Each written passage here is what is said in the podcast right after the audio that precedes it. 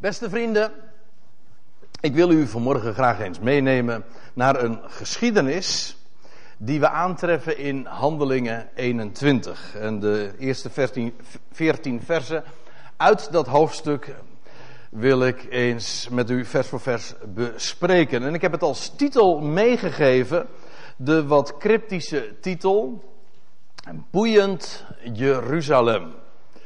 Dat is cryptisch, want de eerste betekenis die je aan zo'n titel toch toe zult kennen is dat de stad Jeruzalem een zeer boeiende stad is. En dat de laatste kan ik in elk geval volmondig onder, uh, onderschrijven. Van harte, deze stad heb ik zelf al enige keren ook bezocht. En zelfs als je de stad nooit bezocht hebt, maar je bent een liefhebber van de schriften, dan gaat je hart opspringen wanneer je alleen de naam al hoort. Een vesting van vrede.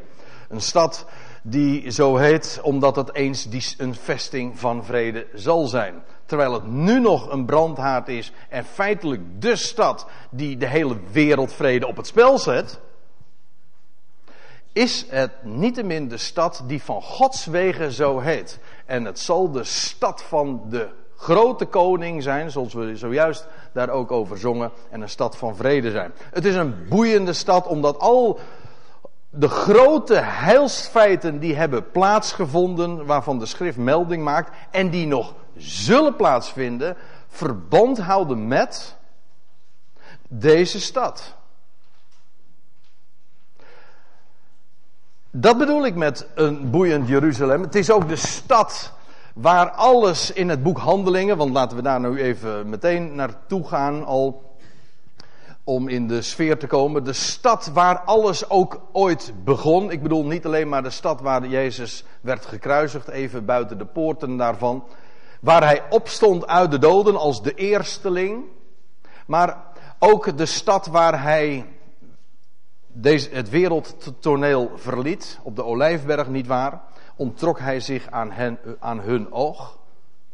Het is ook de stad waar op de Pinksterdag Gods op een zo duidelijke wijze gemanifesteerd werd, zodat er een enorme volkstoeloop ook plaatsvond, omdat het overduidelijk was dat God zijn geest had uitgestort op uh, al de mensen daar. Dat was allemaal in Jeruzalem. Maar dat niet alleen. Daar in Jeruzalem hebben de twaalf apostelen. Twaalf. De naam, dus de, het getal dat juist ook verband houdt met Israël. De twaalf stammen. Daar in Jeruzalem hebben de twaalf getuigenis afgelegd van de Messias. Waarom? Omdat zij daar ook de prediking hebben gebracht. Lees het maar na in hoofdstuk 2, hoofdstuk 3 met name ook. Dat Petrus als hun woordvoerder verteld heeft dat als de stad tot bekering zou komen, dat wil zeggen zou omkeren en de Messias die tot hen gezonden was zouden aanvaarden, dan zou de Messias ook tot hen terugkeren en in die stad, in die tijd, ik bedoel gewoon 2000 jaar geleden, het begin van onze jaartelling, de eerste eeuw, zou de Messias teruggekeerd zijn in de stad en daar in de stad van David zijn koninkrijk hebben opgericht. Dat was de prediking in het boek Handelingen van de twaalf. En je kunt het allemaal zo nalezen. Ik, ga, ik neem vanmorgen niet eens de moeite, want ik zou niet eens meer toekomen aan hoofdstuk 21. Om dat te illustreren en om dat te bewijzen. Maar u kunt het gewoon nalezen. Dat is weliswaar vaak vergeten, maar dat was de boodschap van de twaalf en het evangelie van de besnijdenis. Dat wil zeggen de, het goede bericht dat speciaal voor Israël bestemd was. Komt tot bekering en de Messias zal terugkeren en zijn koninkrijk van vrede en gerechtigheid in Israël, maar ook wereldwijd oprichten. We weten ook wat er gebeurd is. Israël heeft deze boodschap afgewezen. En ze hebben zelfs op een gegeven moment Stefanus in hoofdstuk 7, officieel door het Sanhedrin namelijk, is gestenigd buiten de stad. Dat was trouwens meteen ook de aanleiding dat de apostel Paulus, toen nog Saulus, achter de coulissen vandaan kwam. Goed, ik refereer nu wellicht eh, wat aan wat aanwezigen, al, of al dan niet aanwezige Bijbelkennis. Maar dat is Jeruzalem. En ik zeg het, het is een boeiend Jeruzalem. Maar ik ga vanmorgen, en u zult vanzelf nog wel zien, al vrij gauw trouwens, waar dat woord boeiend nog meer op slaat. Eigenlijk specifiek op slaat. Ja, nu hoor ik een paar jongelui daar achterin denken of zeggen. Ik meende zelfs één horen zeggen: ja, boeien. Hm? Zo kan het ook nog.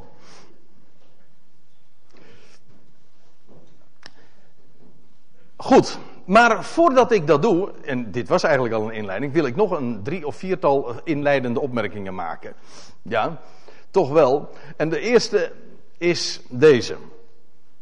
Dan gaan we even naar Handelingen 20. Want je moet namelijk, als je in Handelingen 21 vers 1 gaat beginnen, dan moet je toch de voorgeschiedenis kennen. Bijvoorbeeld wat ik zojuist zei. Maar bovendien, Paulus was op weg naar Jeruzalem. Dat moet, moet je weten.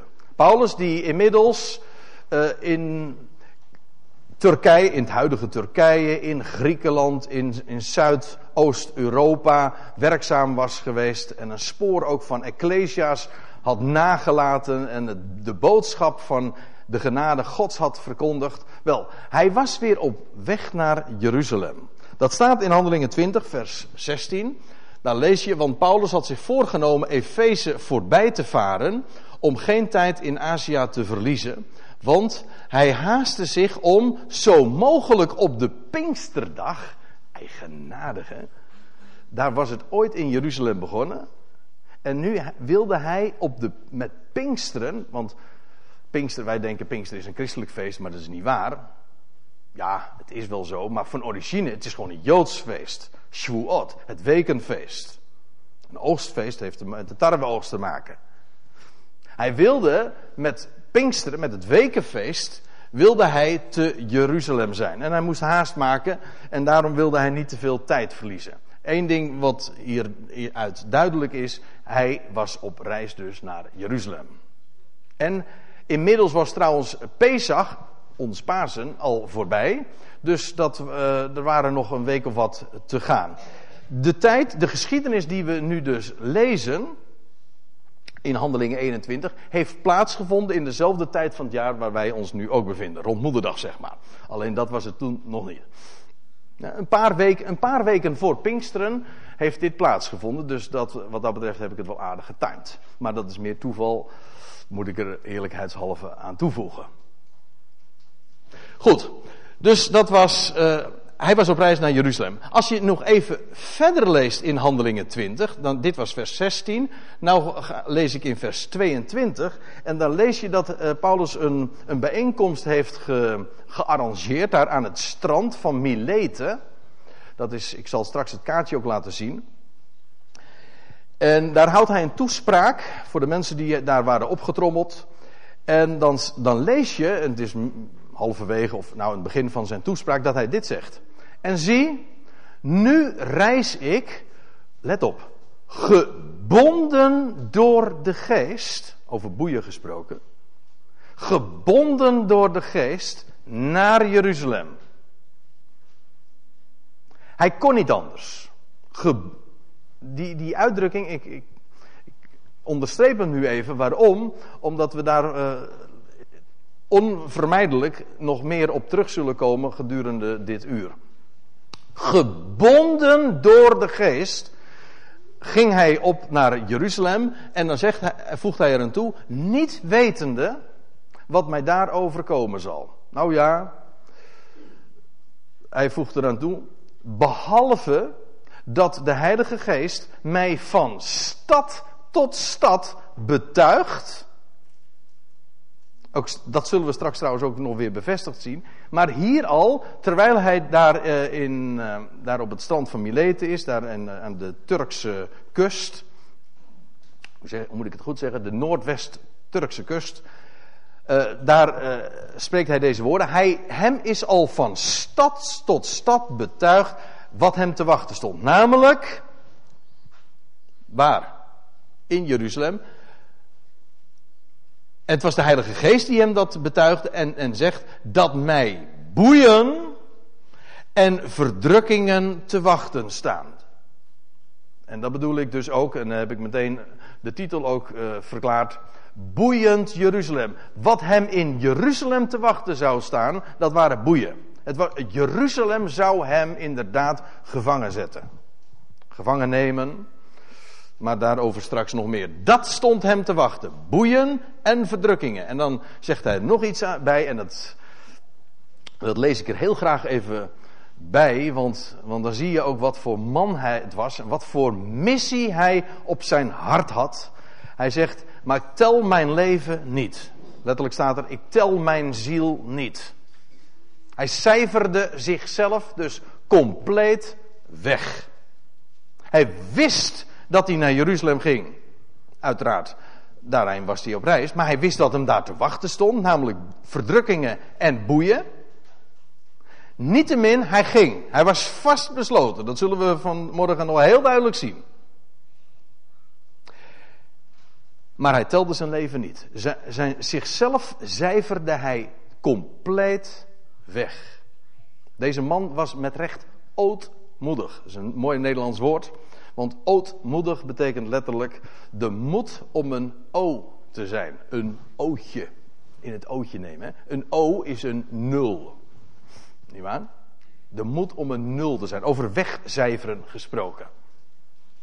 Dat deed hij. Hij was een nul.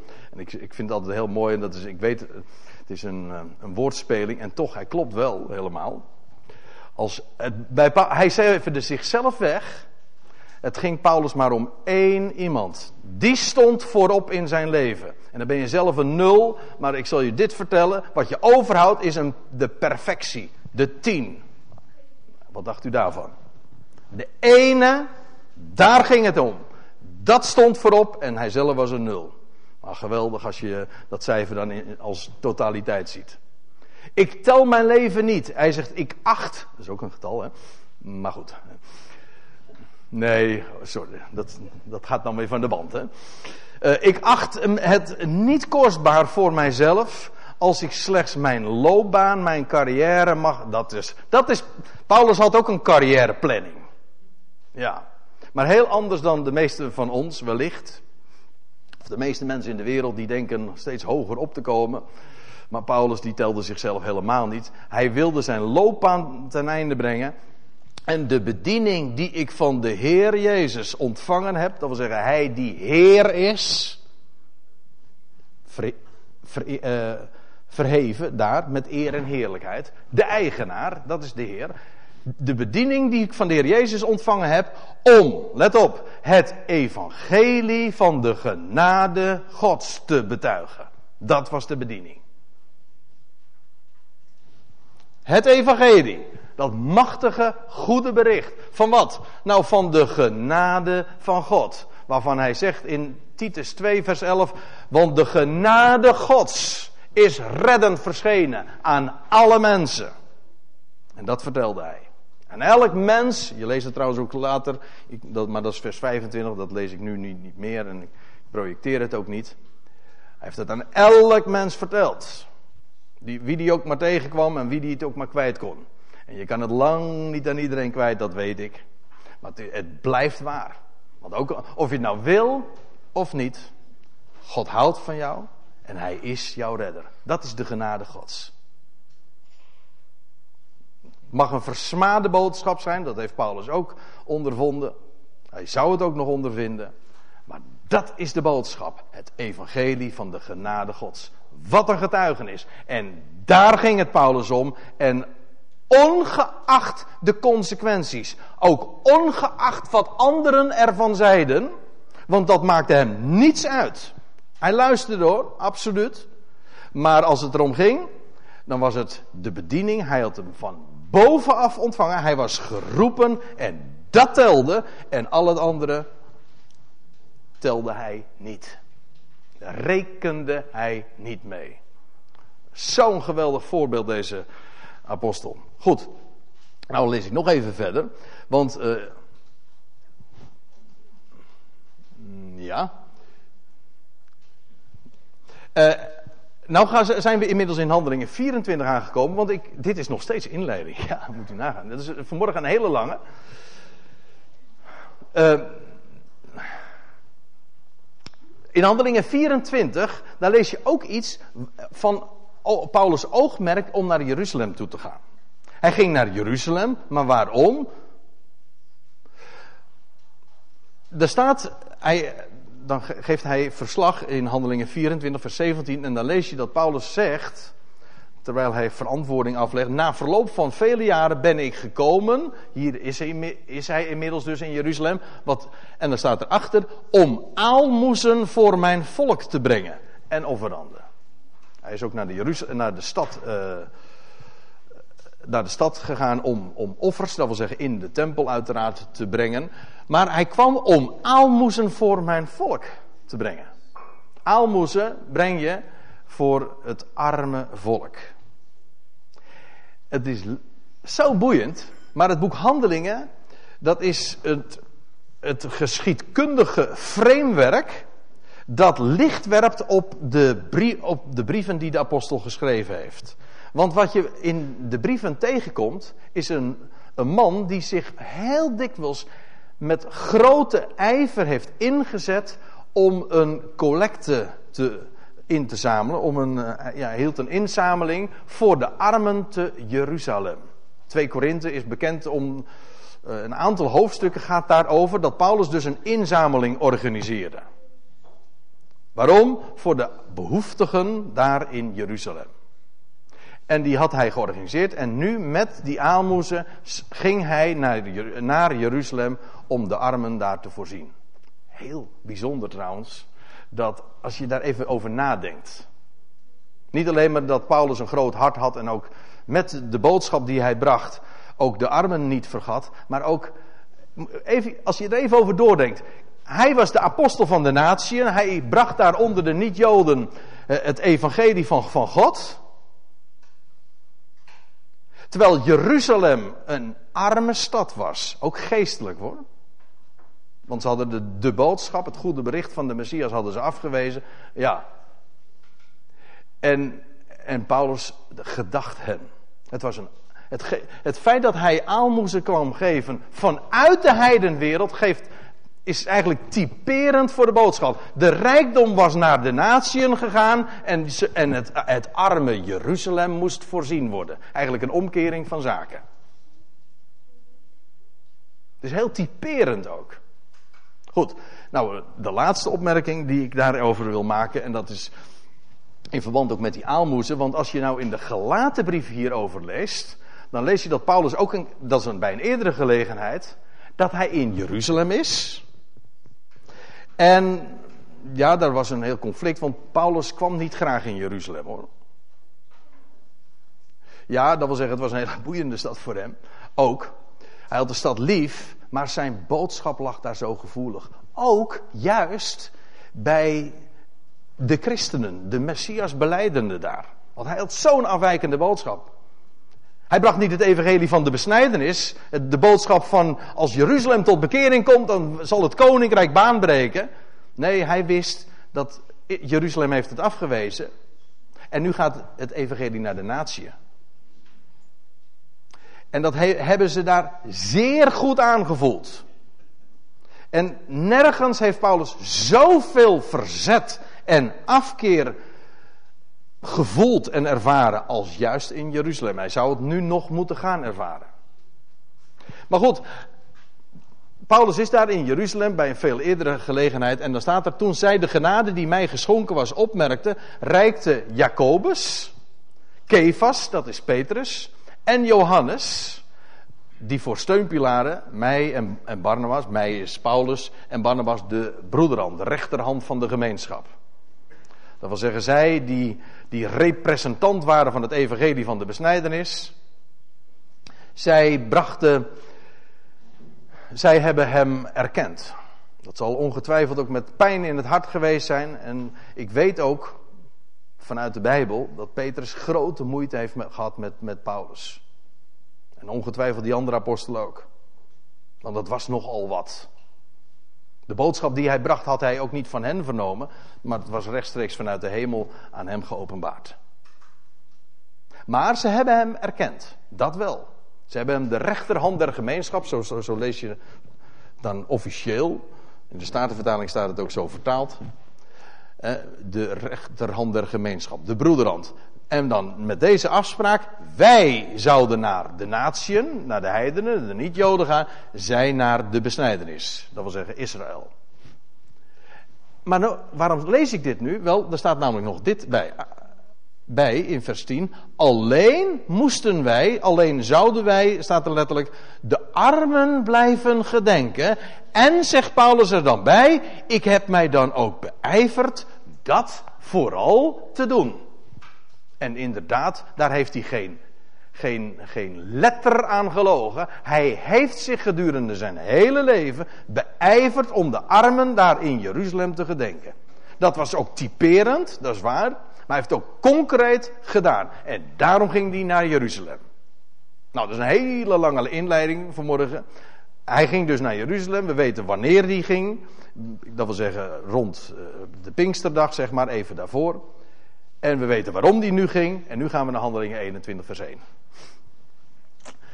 Want, want daar wilden we natuurlijk naartoe. Nou, en dan lees je, en het geschiedde toen wij in zee gestoken waren. Hij bevond zich hier. Kijk, dit is dus Turkije. Dit zijn de Griekse eilanden. Hier zie je nog het staartje van, uh, van, uh, van Griekenland, Athene. En hier ligt dat strand van Mileten. Dit is het eiland ik ken het erg goed en Petra ook. Lesbos. Ja. Hier heb je nog het stadje Petra geheten.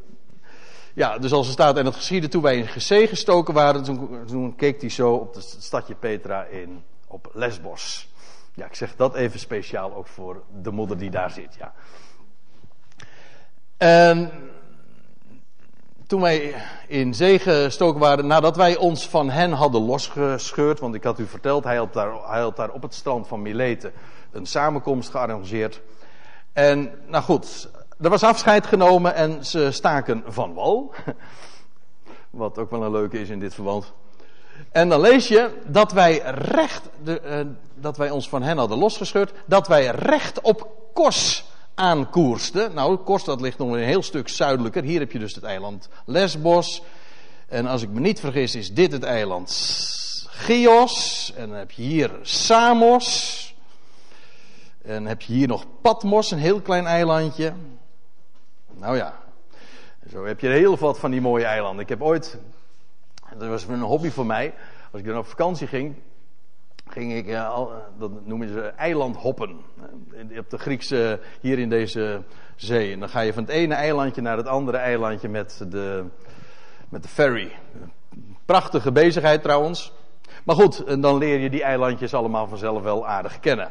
Hij, ze voeren recht op Kos aan, dat is hier. Dat is ook tegenwoordig een eh, bekende vakantiebestemming. En vervolgens de dag daarna op Rodos. Dat is hier, dat is nog weer een stukje verder. En dan staat er, en vandaar op Patara. En dat is inmiddels dan een kustplaats in het huidige zuidwesten van Turkije. Ja, Patara. Goed, dit zijn van die plaatjes van deze eilanden. En dan lees je vers 2. En nadat wij een schip gevonden hadden die naar Fenicië, en dan praten we over deze streek, uh, zou oversteken, gingen wij aan boord en we voerden af. Dus vanaf Patara gingen ze dus deze kant op. En toen wij Cyprus, dat is dit eiland uiteraard, in zicht gekregen hadden en het links hadden laten liggen, wat natuurlijk ook dubbelzinnig is, dat wil zeggen, we passeerden het, dat is, betekent ook links laten liggen. Maar ook letterlijk hadden ze het links laten liggen, want ze gingen dus niet via deze kant, maar via deze kant naar Fenicië toe.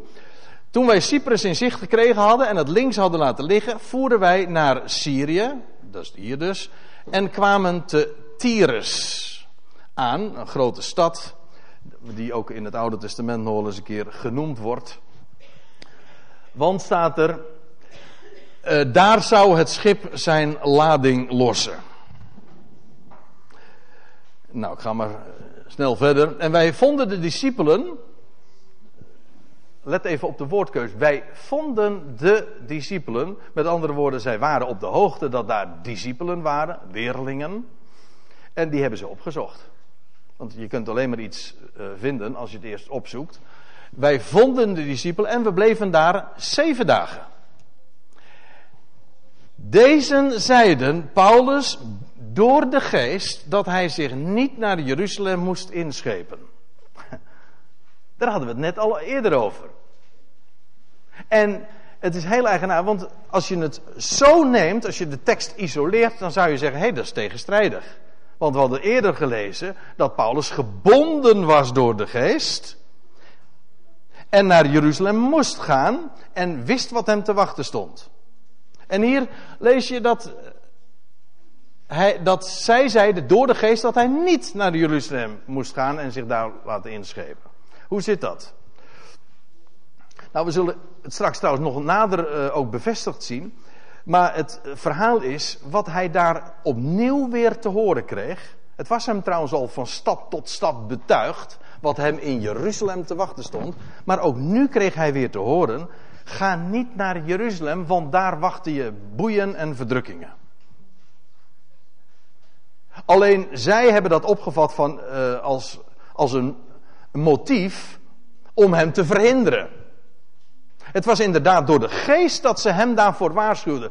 Maar zij meenden dat de geest het hen vertelde had, of doorgaf, of duidelijk maakte, hoe dan ook, dat maakt verder niet uit. De geest maakte het duidelijk.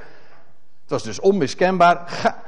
In Jeruzalem staat dat je te wachten.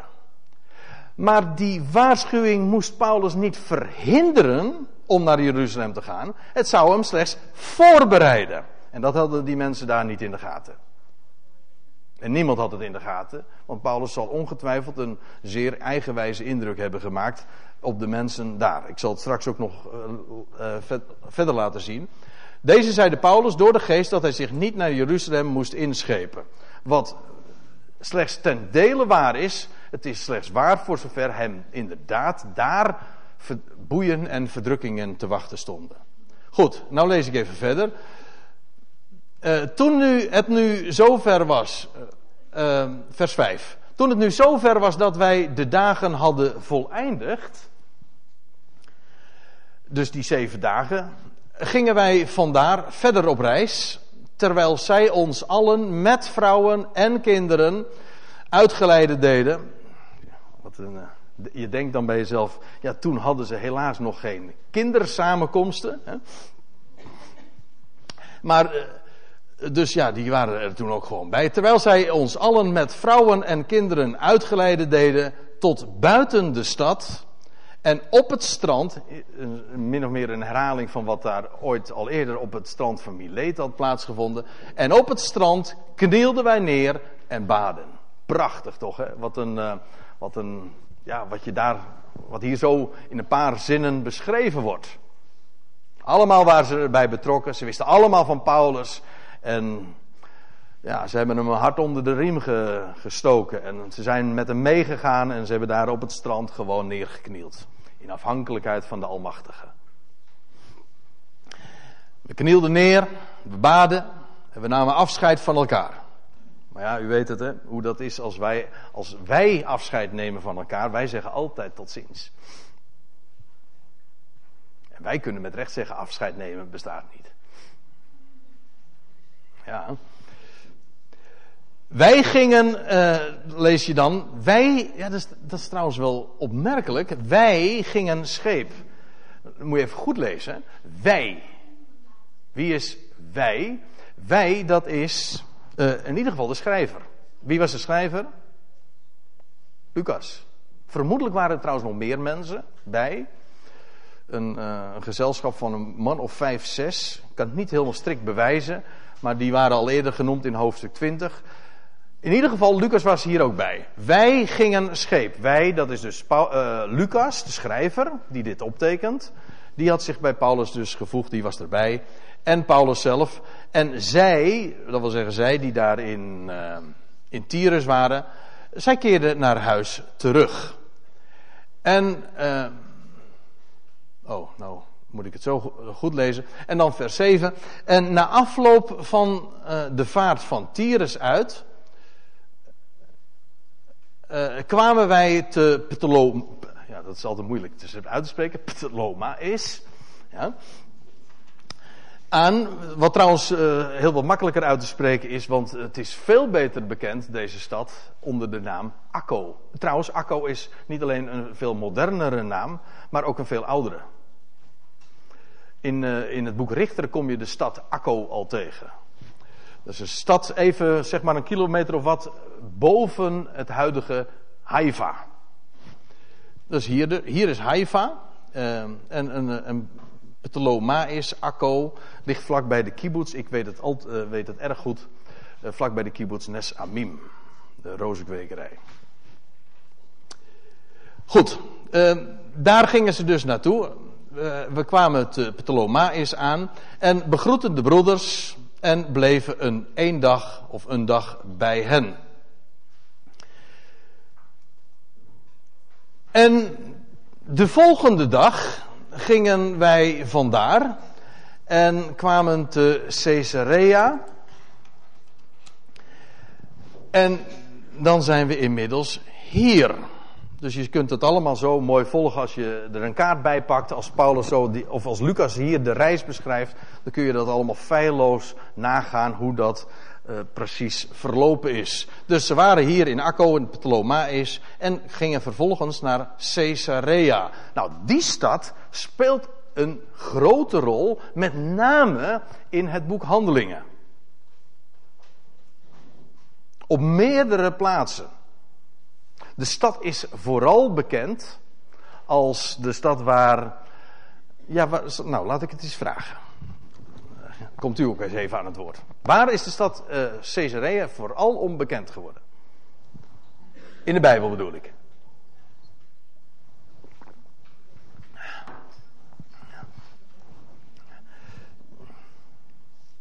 De, nou, niemand. Ja, of nou, dat geloof ik niks van. Maar ik wil u wel helpen hoor. Nou, bekend is, want ik geef toe, de, de, er zijn meerdere goede antwoorden hierop te geven. Maar als u het mij vraagt, de stad speelt vooral een grote rol in de geschiedenis van Petrus, die naar die hoofdman gaat, Cornelius. Dat was in Caesarea. Daar ging de poort open. Ik zeg het graag op die manier. Ik zal dat toelichten. Want Caesarea, dat is namelijk een havenstad. Met zicht uiteraard op de zee. Ook dat is zo typerend allemaal. Hier ging de poort open. Maar u weet, het woord poort betekent haven. Ja, de, u weet, aan, aan Petrus waren de sleutels toe uh, vertrouwd door uh, de Heer Jezus zelf. En hij ging de deur, de poort openzetten. En Petrus heeft dat gedaan. En hij is naar Cornelius gegaan. Dat heeft heel veel voeten in de aarde gegeven. En ja, daar moest een visioen komen. Want het kwam in het hoofd van Petrus niet op dat hij naar de natie gaan, zou gaan.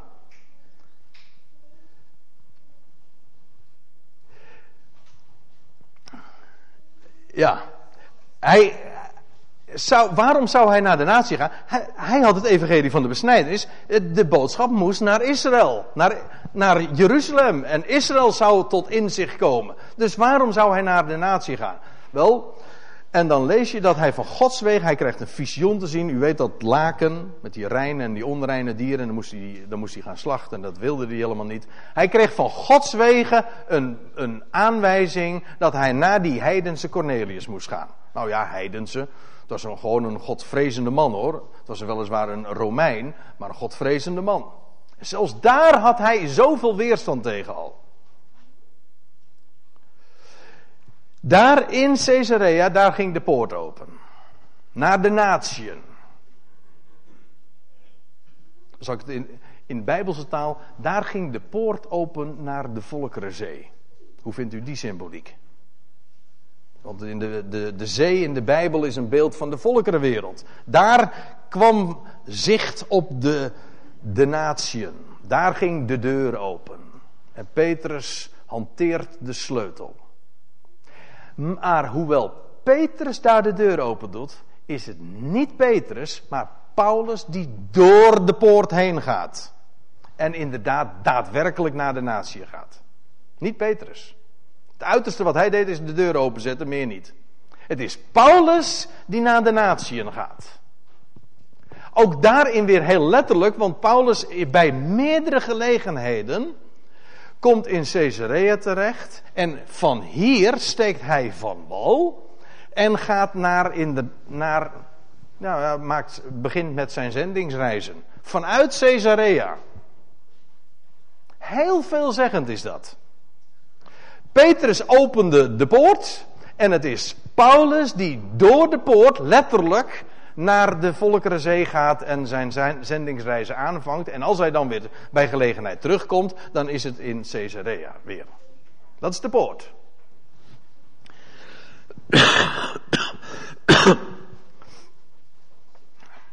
Ja, de vrouwen en kinderen zijn er ook bij, hè? dus uh, daar kom je ook wel eens achter. Daar maken we ons niet al te druk om hoor. Blijf vooral relaxed mensen. Ik vind het helemaal geen enkel probleem. Ook als, uh, ook als het misschien wel eens een keertje een klein beetje afleidt. Als, uh, als de kinderen wat, wat lawaai maken. Als niet al, als het niet al te erg wordt, dan denk ik dat we gewoon de verdraagzaamheid moeten oefenen. En ons zo op deze wijze ook bezighouden met het woord. Hebt u daar problemen mee? Ja, dat valt niet mee hè, om nu nog nee te zeggen.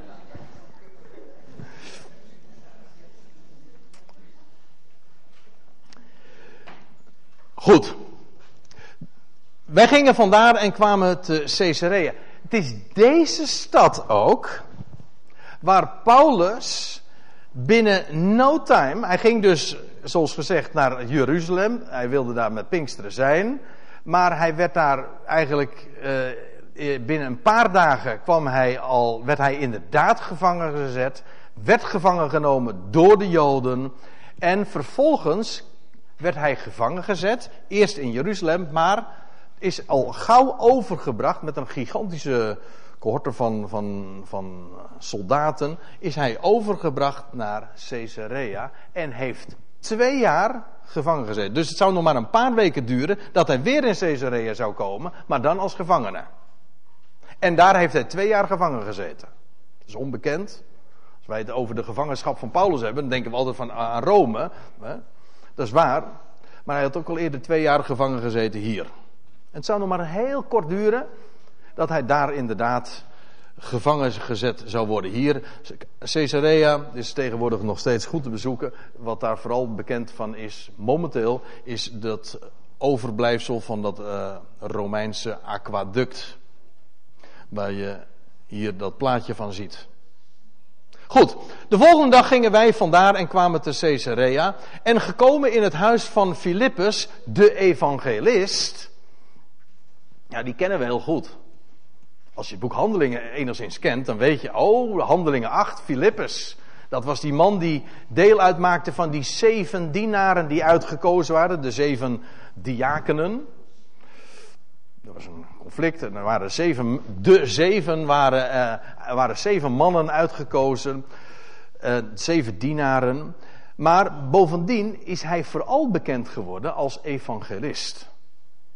Hij was het die naar Samaria ging. Handelingen 8. Maar vooral is hij denk ik bekend vanwege deze geschiedenis dat hij die kamerling, de eunuch, uh, van, uh, uit Ethiopië, weet wel, die minister van Financiën, daar confronteerde met het evangelie. De evangelist. Nou, hij, daar, en daar komt hij samen met Lucas en misschien nog een aantal anderen te logeren. En gekomen in het huis van Filippus, de evangelist. We lezen trouwens ook al in Handelingen 8 dat Filippus inderdaad daar neerstreek uiteindelijk. En uh, hij behoorde dus, die Filippus, tot de zeven en wij bleven bij hem. Deze had vier ongehuwde dochters, er staat letterlijk uh, vier maagden. Als je deze vertaling zo leest, dan zou je denken: oh, ze woonden zeker samen of zo. Nee, mensen. Het was geen 2012, het waren uh, vier maagden en dan lees je die profetessen waren. Nou, dat uh, vind ik geen gelukkige weergave. Er staat letterlijk die profeteerde. U zegt, wat voor verschil maakt dat? Nou, dat maakt toch nogal een verschil.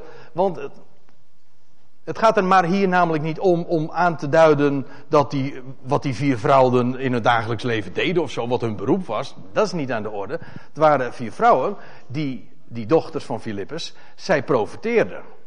Er staat niet bij wat ze profeteerden, maar de hele samenhang is volstrekt helder. En dat zal, ik heb het eigenlijk al laten zien, maar ik zal het ook straks in het navolgende vers ook laten zien. Zij profeteerden.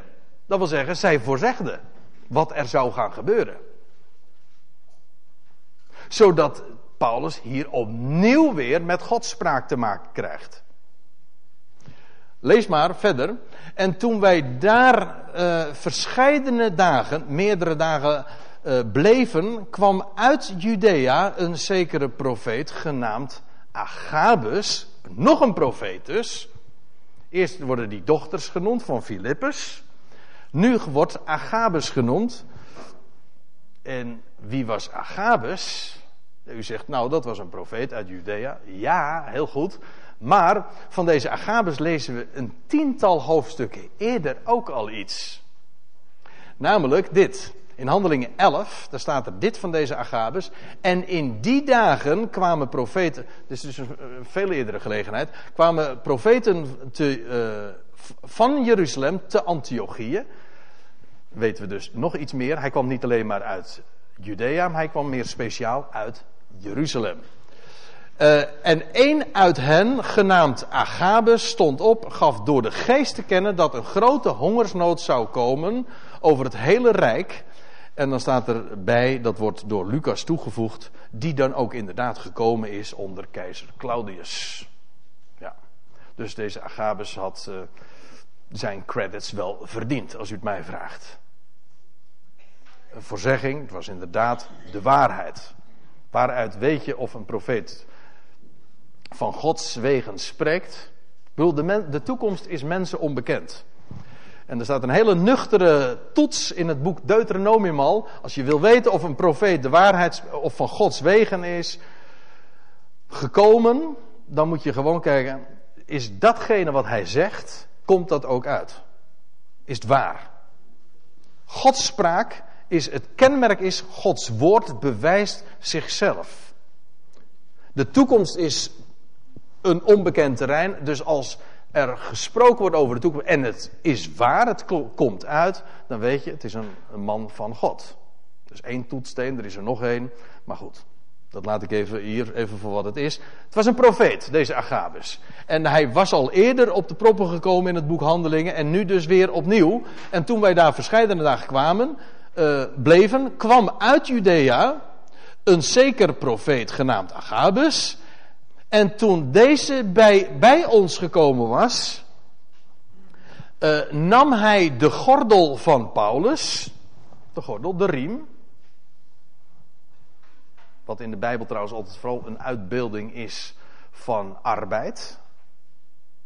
als je, en van reisvaardigheid. Als je op weg gaat, als je op reis gaat, dan heb je je, gordel. Hè? Dan gort je, dan omgort je je de riem. Het heeft ook te maken met je, uh, zeker ook als je de kleding in die dagen uh, in ogenschouw neemt, hè, dan, dan, trok je de rok of het kleed op, hè, zodat je inderdaad ook reisvaardig was, in staat om te lopen en te wandelen, te werken, omgorden dus.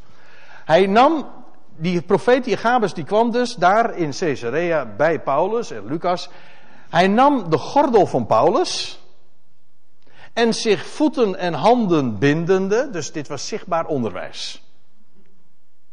Ja, hij, ging ook spreken, maar hij liet ook even gewoon heel aanschouwelijk zien wat hij ging vertellen. En hij zei, en zich voeten en handen bindende, over boeien gesproken opnieuw, zeide hij, dit zegt de Heilige Geest. De man van wie deze gordel is, van Paulus dus, zullen die, zullen, dat is geen onzekerheid, hè? niet misschien of zo, of met een hoogstwaarschijnlijk. Nee, zullen de Joden te Jeruzalem zo binden en uitleveren in de handen van de natie, van de heidenen. Geen twijfel over mogelijk. Zo zal het gaan. Je gaat op weg naar Jeruzalem, maar dit, gaat je, dit zal je te wachten staan. Je kan geen kant meer op. Het is over met je reizen. Het is over, nou ja, met je reizen is niet helemaal goed, maar in ieder geval eh, met je vrijheid. Met handen en, dat zeggen we ook wel, hè, met handen en voeten gebonden.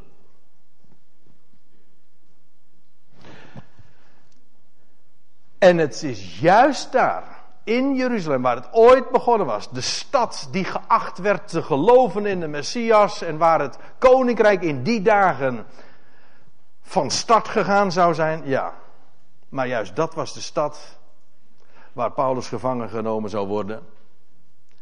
En uiteindelijk ook in Rome zou arriveren.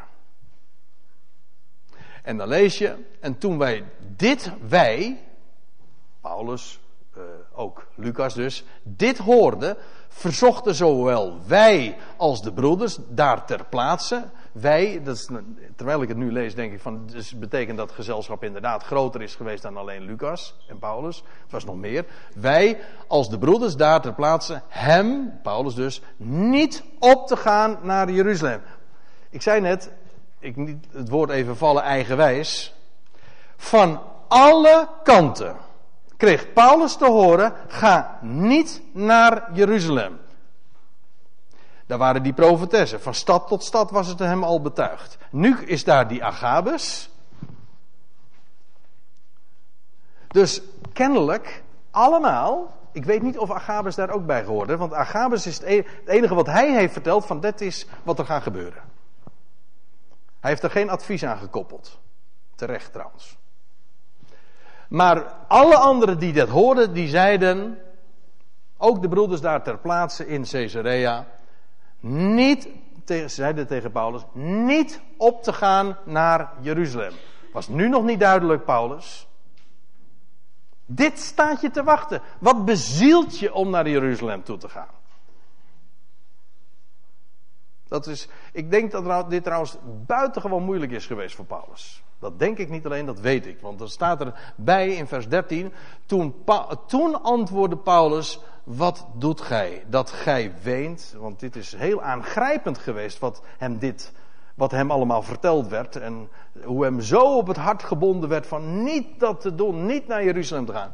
Wat doet gij? Dat gij weent en mijn hart week maakt.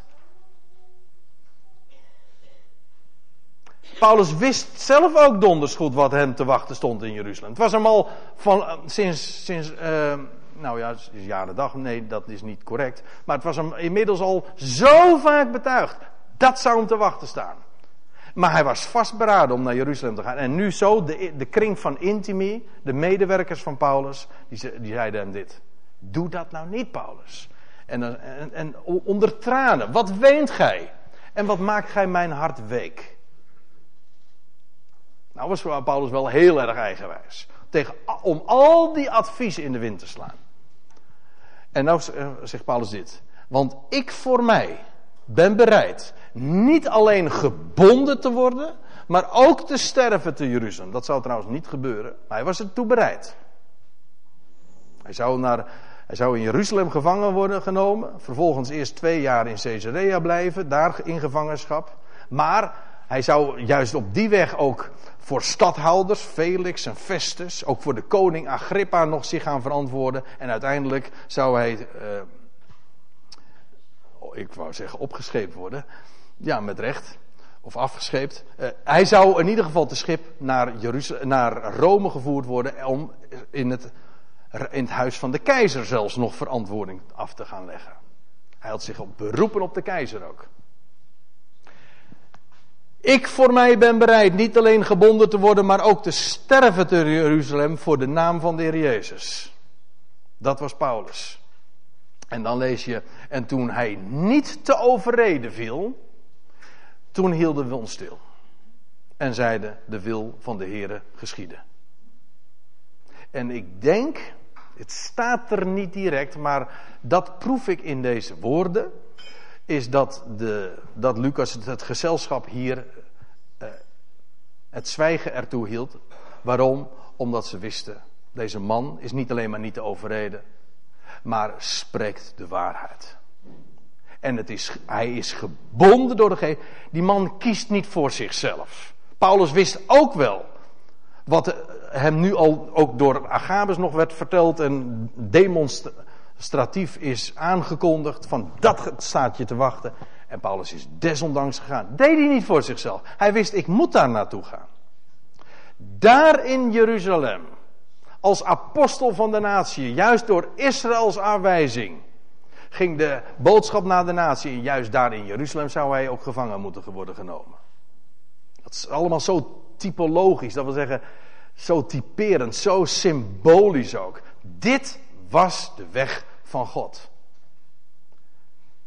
En Paulus' vastberadenheid heeft hen tot zwijgen gebracht. Toen hij niet te overreden was, hielden wij ons stil.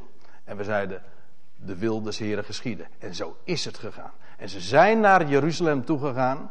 En het was maar een paar dagen later dat hij daadwerkelijk gevangen genomen werd. En zo heeft deze man, deze apostel van de natie, werkelijk aan de lijven ondervonden wat het betekent om, eh, om het goede bericht door te geven, maar ook het, het verschillen.